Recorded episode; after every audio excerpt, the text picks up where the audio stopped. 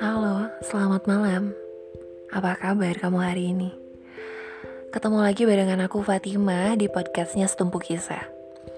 Oh ya, biar lebih akrab kali ya, kamu bisa panggil aku Fafa. Oke. Okay.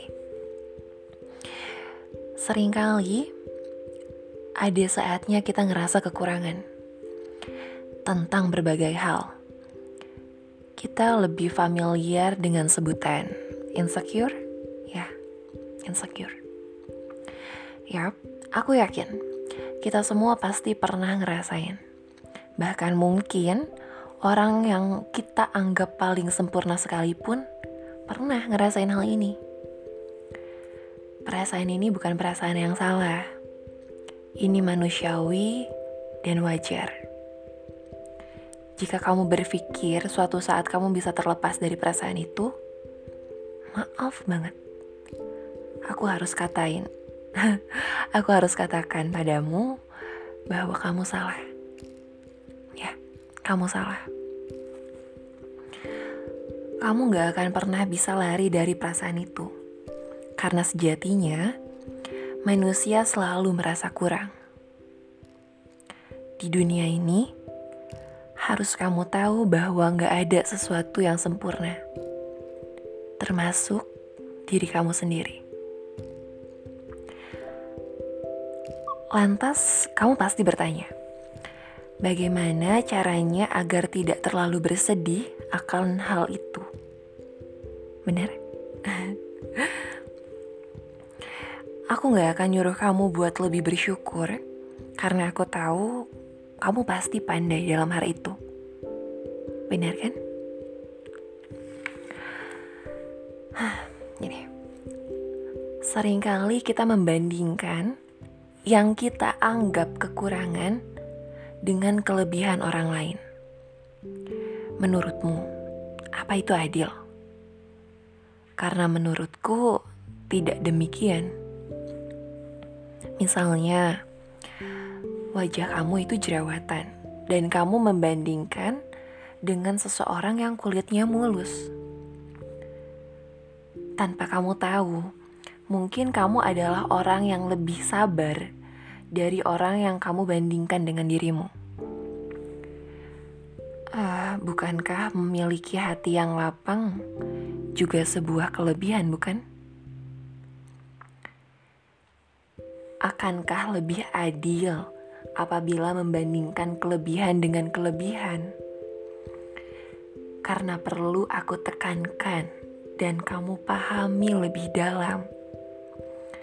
Tak ada manusia yang sempurna sampai kapan pun. Ya, self love mencintai diri sendiri, kenali lebih dalam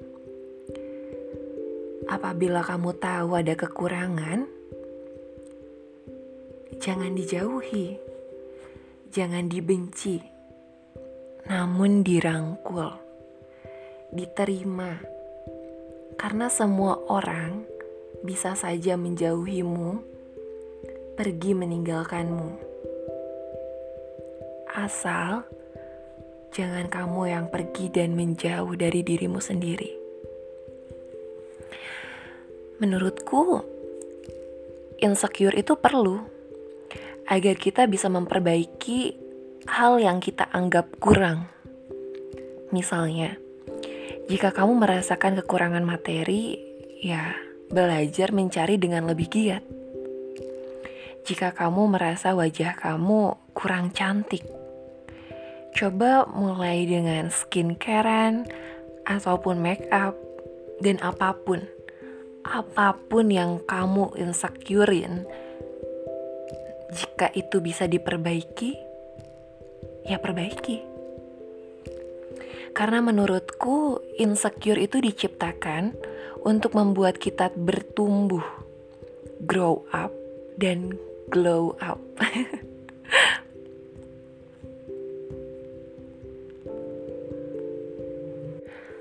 Self love itu perlu namun perbaikan juga diperlukan. Makanya itu insecure diciptakan.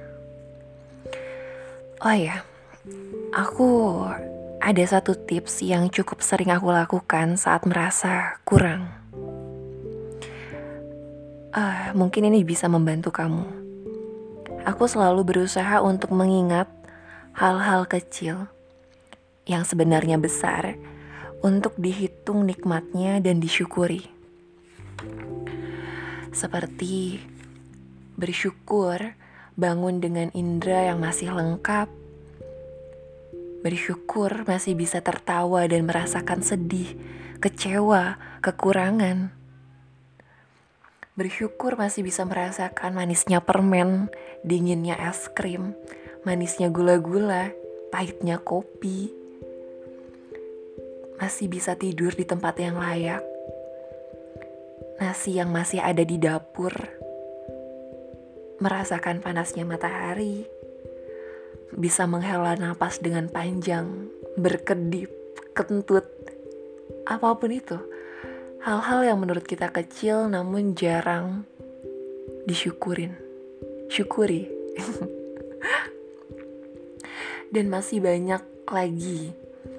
Terkadang kita sering melupakan hal-hal kecil, namun hal itu akan kalau misalnya panik itu tuh bisa hilang ketar-ketir. Eh, kebalik ya. Namun kalau hal itu hilang, kita bisa panik ketar-ketir. Aduh, gimana sih ini? lanjut lanjut. Jika menurutmu hal itu masih kurang dan beranggapan untuk bersyukur itu harus cantik dulu. Mungkin kalau begitu Marilyn Monroe gak akan minum obat sampai overdosis dan akhirnya meninggal.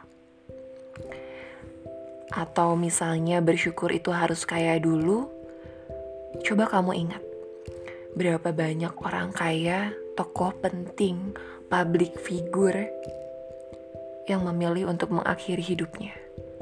Mereka punya semuanya, ketenaran, uang, wajah yang rupawan, Hal apa yang bikin mereka capek untuk hidup di dunia ini?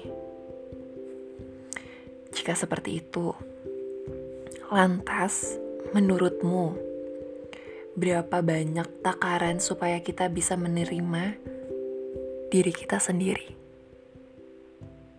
Oke. Aku Fatima pamit. Dadah, selamat tidur.